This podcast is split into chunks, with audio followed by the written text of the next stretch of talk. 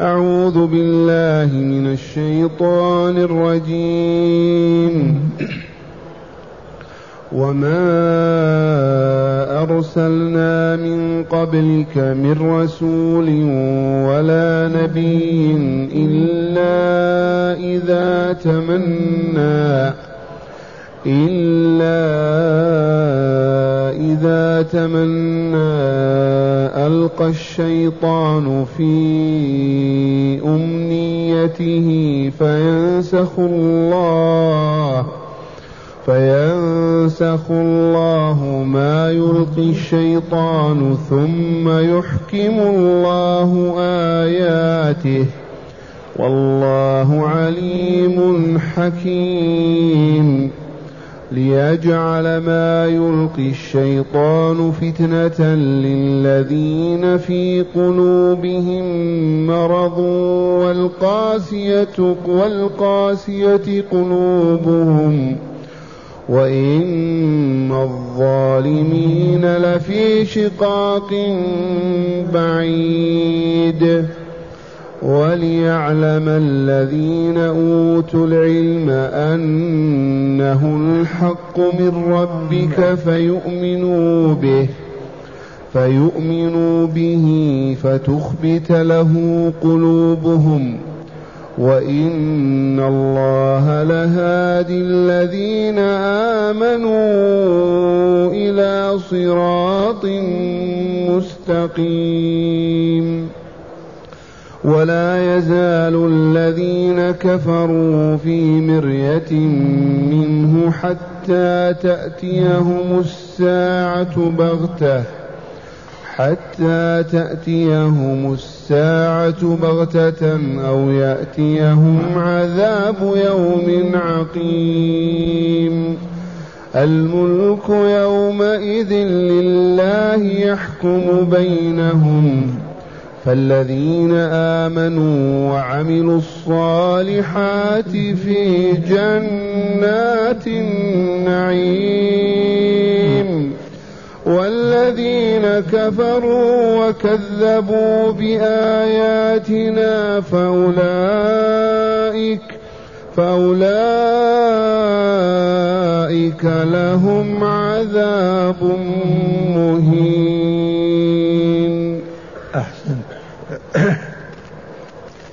معاشر المستمعين والمستمعات من المؤمنين والمؤمنات. قول ربنا جل ذكره وما أرسلنا من قبلك من رسول ولا نبي إلا إذا تمنى. ألقى الشيطان في أمنيته فينسخ الله ما يلقي الشيطان ثم يحكم الله آياته. والله عليم حكيم. لنزول هذه الآية سبب فهيا بنا نقف عليه ونعرفه هذا السبب. كان النبي صلى الله عليه وسلم يصلي حول الكعبة. وكان المشركون يتجمعون حولها. فقرأ سورة النجم.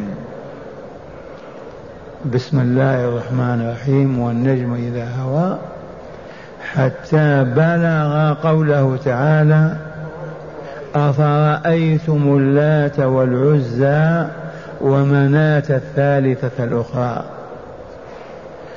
لما وجد الشيطان فرصة والمشركون مصغون يستمعون ووجد فرصة ذكر اللات والعزى ومناة الثالثة الأخرى ألقى في آذان المشركين وأسماعهم هذه الجملة تلك الغرانيق العلا وإن شفاعتهن لترتضى لترتجى. ففهم المشركون أن الرسول صلى الله عليه وسلم قرأ هذا وأنه نزل من الله.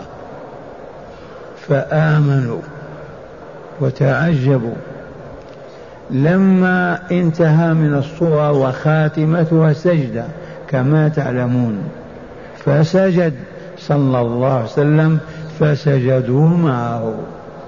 إلا ما كان من أحد كبار السن واختلف في اسمه ما استطاع يسجد على الأرض أخذ حثية من تراب وسجد عليها. وانتشر الخبر وقالوا اصطلح محمد مع قومه وبلغ الأحباش فجاء المهاجرون من الحبشة إلى مكة ظنا منهم أن الحرب انتهت وأن اللقاء تم مع الرسول وأصحابه. اعلموا أن هذه الحادثة وردت في أحاديث كثيرة وبعض أهل العلم يبطلها ويقول لم تصح ولن تصح وهذا ليس بصحيح لأن هذه الآيات نزلت تعزية للرسول وتسلية إذ قال له ربه وما أرسلنا من قبلك من رسول ولا نبي إلا إذا تمنى بمعنى قرأ. تمنى الكتاب قرأه. ومنه قول الشاعر في عثمان رضي الله عنه تمنى كتاب الله أول ليله وآخره لاقاه حمام حمام تمنى بمعنى قرأ. ومن سورة البقرة في أهل الكتاب ولا ولا يعلم الكتاب إلا أماني فقط إلا قراءة كعوام المسلمين. يقرأ القرآن ما يعرف إلا القراءة فقط لا يعرف وراء ذلك شيئا. لا يعلمون الكتاب إلا أماني. فالذي ننفيه ونقول لا يثبت أن يكون الرسول صلى الله عليه وسلم نطق بهذه الجملة تلك الغرانيق العلا وإن شفاعتهن لترتجى. هذا نعم نقول الرسول ما ينطق بهذا والله يعصمه ويحفظه. أما أن ينطق الشيطان ويسمعه المشركون وهم يتطلعون فهذا ليس ببعيد أبدا.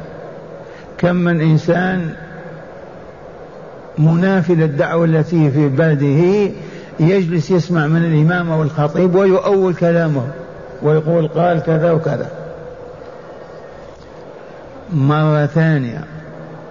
هذه الآيات فيها تعزية وتسلية لأن الرسول كذب واغتم أو ما يغتم يا كرم لما نسبوا إلى الله تلك الغرانيق العلا وإن شفاعة لا ترتجى وقالوا قرأها محمد صلى الله عليه وسلم ولهذا سجدنا. فهذا يورث كربا عظيما. فأنزل الله تعالى قوله من سورة الحج المكية هنا وما أرسلنا من قبلك من رسول ولا نبي. وفي الآية فرق بين النبي والرسول. ونحن علمنا زادكم الله علما أن كل رسول نبي. واحلف بالله. وليس كل نبي رسولا. والرسول يرسله الله برسالة إلى قوم من الأقوام. والنبي ينبئه بأخبار ويعلمه ويتبع رسالة من قبله من الرسل. وما أرسلنا من قبلك من رسول ولا نبي إلا إذا تمنى أي قرأ. ألقى الشيطان في أمنيته أي في قراءته. هذه الجملة التي دوخت مكة. تلك الغرانيق العلا وإن شفاعتهن لترتجى. والرسول ما قال هذا؟ والأحاديث التي التي يذكر فيها أن الرسول قال هذا ينبغي ألا نصدقها. نقول الله يعصم رسوله وحاشا وأن ينطق بهذا الكذب الباطل. لكن الشيطان يلقي في أسماع المشركين فيفرحون بذلك ويقبلونه. وإن أردتم أن تفهموا أكثر كم من إنسان يقلد إنسان في صوته ولهجته موجود هذا ولا لا؟ آلاف. يتكلم كأنه هو وينطق بلهجته الشيطان يعجز عن هذا وأقدر على هذا. ففهموا أن الرسول قال تلك الغرانيق العلا وأن شفاعتهن لا ترتجى. إذا قالوا وافقنا رسول الله ومحمد وأصبحنا معه. فلما سجد في آخر الصورة سجدوا معه. وانتشر الخبر حتى بلغ الأحباش فجاء المهاجرون ظنا منهم أن صلحا تم بين رسول الله وقومه. فهمتم هذه الحقيقة؟ الآن تفهمون الآية. وما أرسلنا من قبلك من رسول ولا نبي إلا إذا تمنى. وتمنى ليس ذاك التمني القلبي كما يقول من يقول وإنما تمنى هنا بمعنى قرأ بدليل ألقى الشيطان في أمنيته أي في قراءته لا في تمني قلبه. وما أرسلنا من قبلك من رسول ولا نبي إلا إذا تمنى ألقى الشيطان في أمنيته. فينسخ الله ما يلقي الشيطان ويبعده ويزيله ثم يحكم الله آياته فلم يبق بينها خلل ولا مكان. نسخ منه الآية الفلانية. والله عليم بخلقه حكيم في تدبيره وقضائه. فمن علم وحكمته كانت هذه الفتنة لتعليم رسول الله والمؤمنين. وعلل تعالى ذلك بقوله لماذا؟ ليجعل الله ما يلقي الشيطان فتنة للذين في قلوبهم مرض والقاسية قلوبهم. ليجعل الله لله كل, كل عمل له سبب. الأحداث الكونية كلها لها أسباب. من خلق هذه الأسباب وأوجد الله لماذا؟ لحكم وهو الحكيم العليم. ليجعل ما يلقي الشيطان من تلك الكلمات فتنة للذين في قلوبهم مرض وهم الكافرون والقاسية قلوبهم بالكفر والشرك. وإن الظالمين لفي شقاق بعيد. أي المشركين الظالمين في خلاف وصراع لا حد له. وإلى الآن الكافرون والمشركون والله ما يتفقون ولا يتحدون. لماذا؟ لأنهم خرجوا عن الطريق فيتخبطون. الطريق هكذا. من خرج يمين وشمال كيف يهتدي؟ لا بد يتخبط حتى يعود إلى الطريق أو يهلك ويتحطم. ثانيا علة أخرى. وليعلم الذين أوتوا العلم أنه الحق من ربك فيؤمنوا به فتخبت له قلوبهم.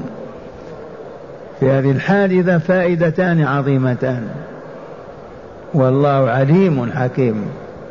وليعلم الذين أوتوا العلم كأبي بكر وعمر وأصحابه علم الكتاب والسنة أنه الحق من ربك فيؤمنوا به فتخبت له قلوبهم. تخشع وتخضع وتطمئن وتسكن. والله وإن الله لا يهدي لا وإن الله لهادي الذين آمنوا إلى صراط مستقيم. هذا خبر عظيم. وإن الله لهادي الذين آمنوا إلى يوم القيامة إلى صراط مستقيم يسلكونه حتى ينتهي سلوكهم إلى باب الجنة. كم تسلك أنت؟ سبعين سنة ثمانين مئة إن شاء الله. لا بد وأن تصل إلى باب الجنة. صراط مستقيم هداهم إليه. عقيدة التوحيد السليمة النقية. الطمأنينة والسكون في القلب العمل الصالح يهديهم إلى صراط مستقيم. هذا فضل الله عز وجل.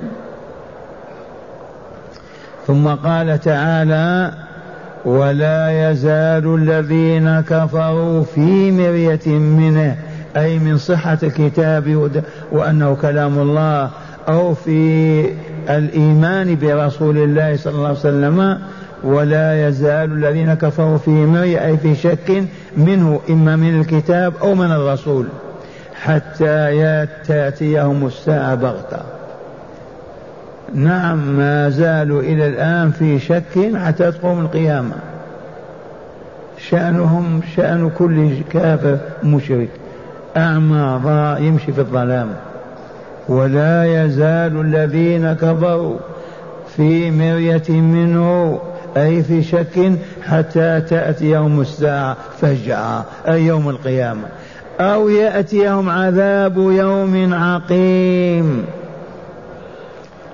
من اللطائف لماذا يقال في يوم القيامة عقيم؟ لأنه لا ليل بعده.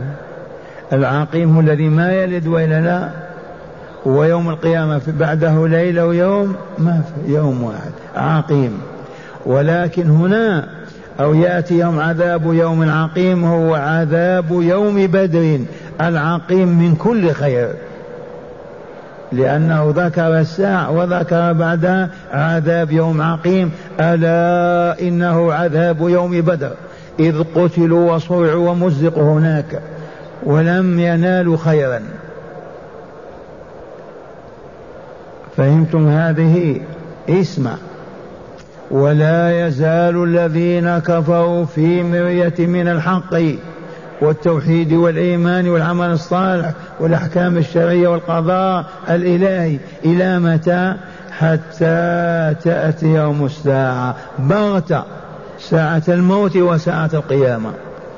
أو يأتي يوم عذاب يوم لا خير بعده.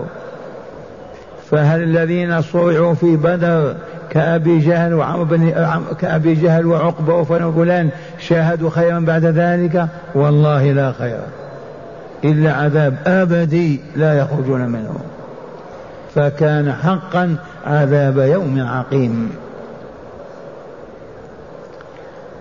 ثم قال تعالى بيان الحكم الملك يومئذ لله.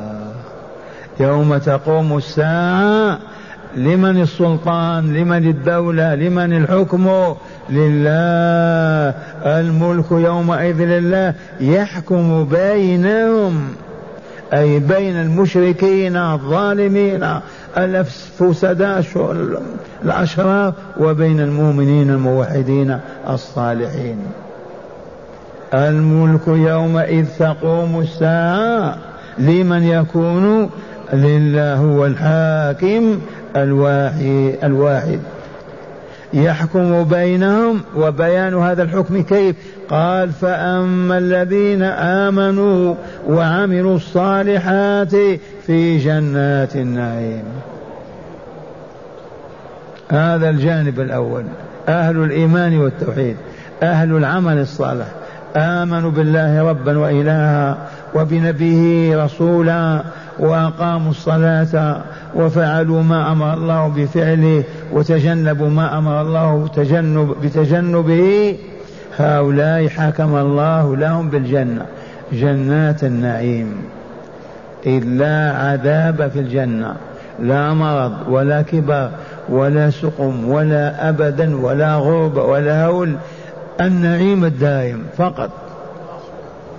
والذين كفروا وكذبوا بآياتنا فأولئك لهم عذاب مهين. يذلهم الله فيه ويكسر أنوفهم ويحطم كراماتهم ويصبحون شر الخلق. وقرأوا قول الله تعالى إن الذين كفروا من الكتاب والمشركين في نار جهنم خالدين فيها أولئك هم شر البريئة أي الخليقة إن شاء الله فهمتم هذه الآيات أسمعكموها مرة ثانية وتأملوا. وما أرسلنا من قبلك من رسول ولا نبي إلا إذا تمنى.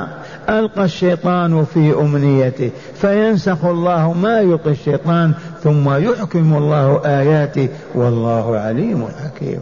لما فعل هذا؟ ليجعل ما يلقي الشيطان فتنة للذين في قلوبهم مرض والقاسية قلوبهم. وإن الظالمين لفي شقاق بعيد هذا شأنهم. ثانيا وليعلم الذين أوتوا العلم أنه الحق من ربك فيؤمنوا به فتخبت له قلوبهم. وإن الله لهادي الذين آمنوا إلى صراط مستقيم. وأخيرا الملك يومئذ ولا يزال الذين كفروا في مرية منه حتى تأتي يوم الساعة بغتة أو يأتي يوم عذاب يوم عقيم. عرفنا عذاب يوم عقيم هو عذاب يوم بدر لأن الساعة ذكرت قبله. ولما يأتي هذا اليوم قال الملك لمن؟ الملك يومئذ لله يحكم بينهم. ما هذا الحكم؟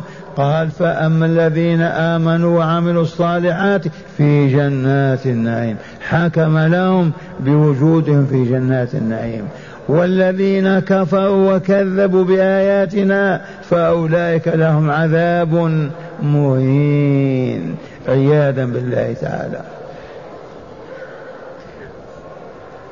أسمعكم شرح الآيات من الكتاب لتزدادوا بصيرة وعلما إن شاء الله.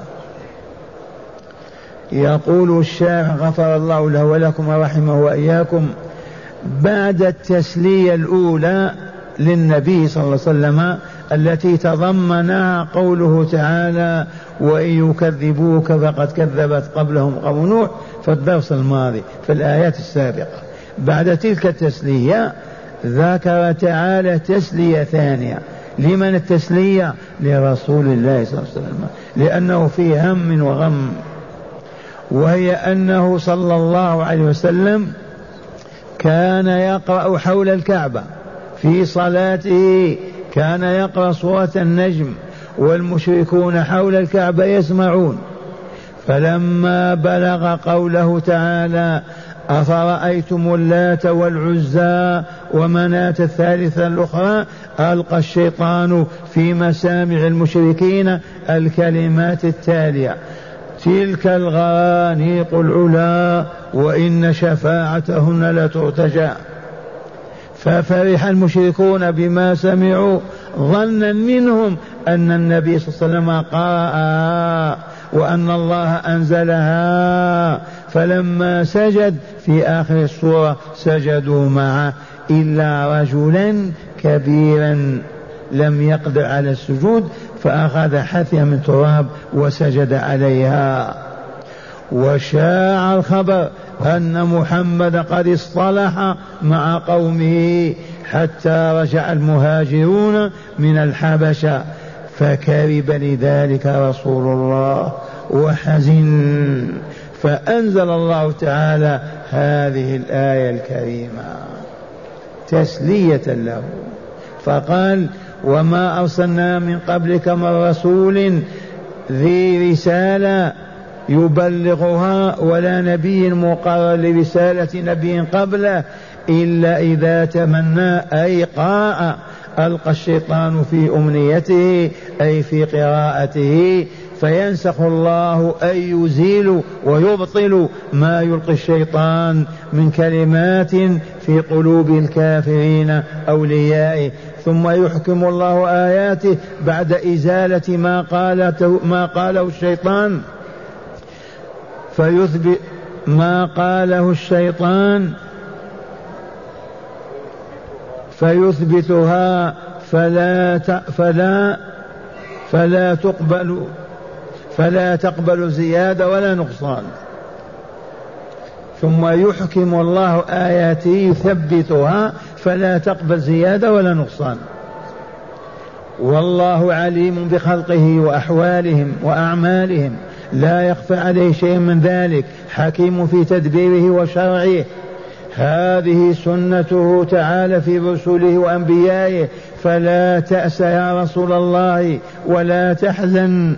ثم بين تعالى الحكمة في هذه في هذه السنة.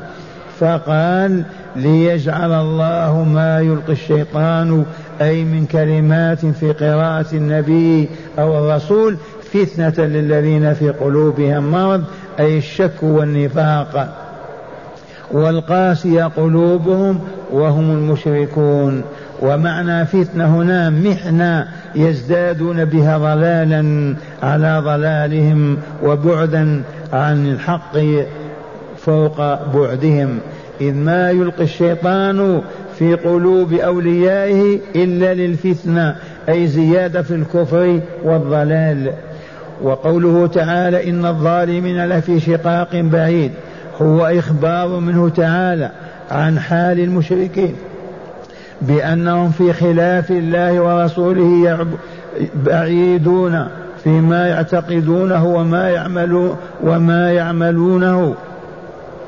وما يقولونه وما يتصورونه مخالف تمام المخالفة لما يأمر الله تعالى به ويدعوهم إليه من الاعتقاد والقول والعمل والتصور والإدراك وقوله تعالى وليعلم الذين أوتوا العلم أنه الحق من ربك فيؤمنوا به فتخبت له قلوبهم هذا جزاء. هذا جزء العلة التي تضمنتها سنة الله في إلقاء الشيطان في قراءة الرسول أو النبي.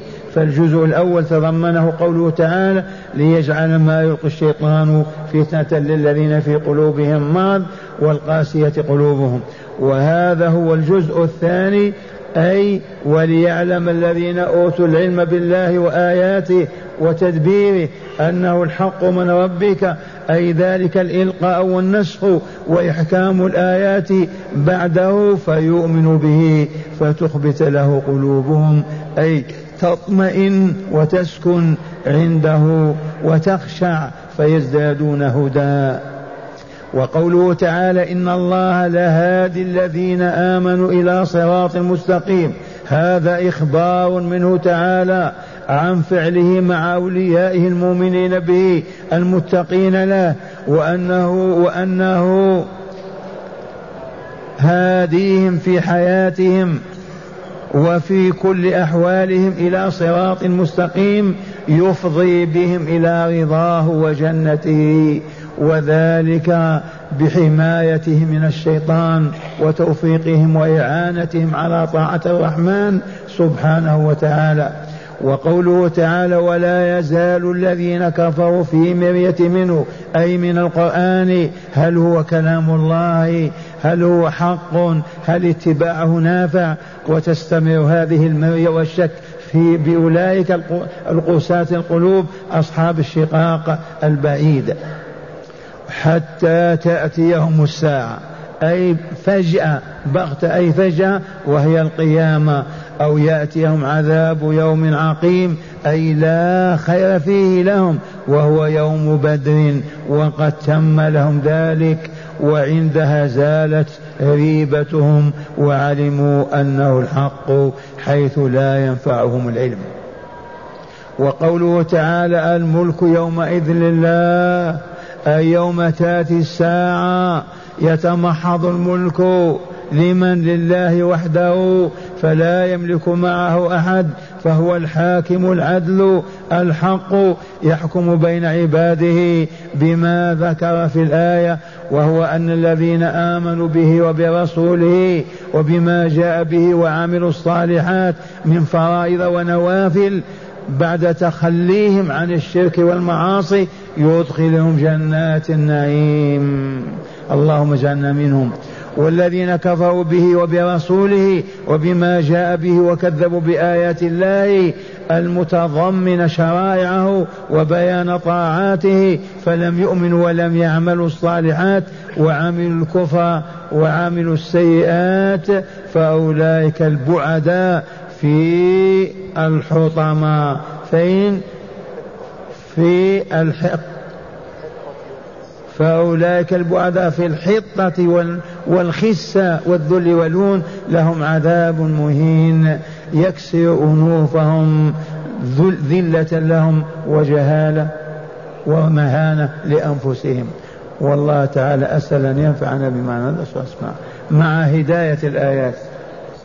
بسم الله والحمد لله. من هداية الآيات أولا بيان سنة الله في إلقاء الشيطان في قراءة الرسول أو النبي للفتنة. بيان سنة الله في إلقاء الشيطان الفتنة عندما يقرأ عالم أو نبي أو رسول. وقد قلت لكم كم من عالم يقرأ يأتي الشيطان ويلقي في أذهان أصحابه كلام ما قاله للفتنة وإثارتها. نعم.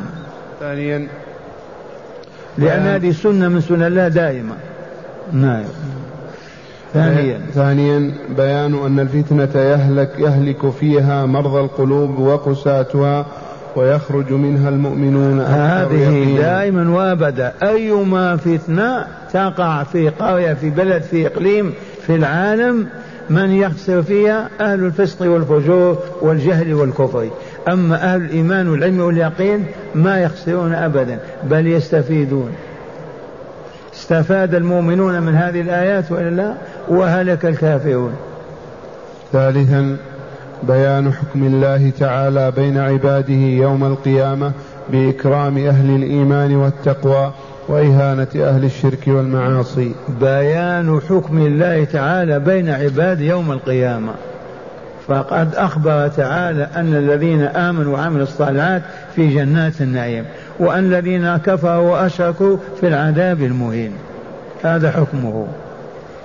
رابعا وأخيرا ظهور مصداق ما أخبر به تعالى عن مجرمي قريش فقد استمروا على ريبهم حتى هلكوا في بدر. تجلت هذه الآية وظهرت بعد ست سنوات أو سبع سنوات.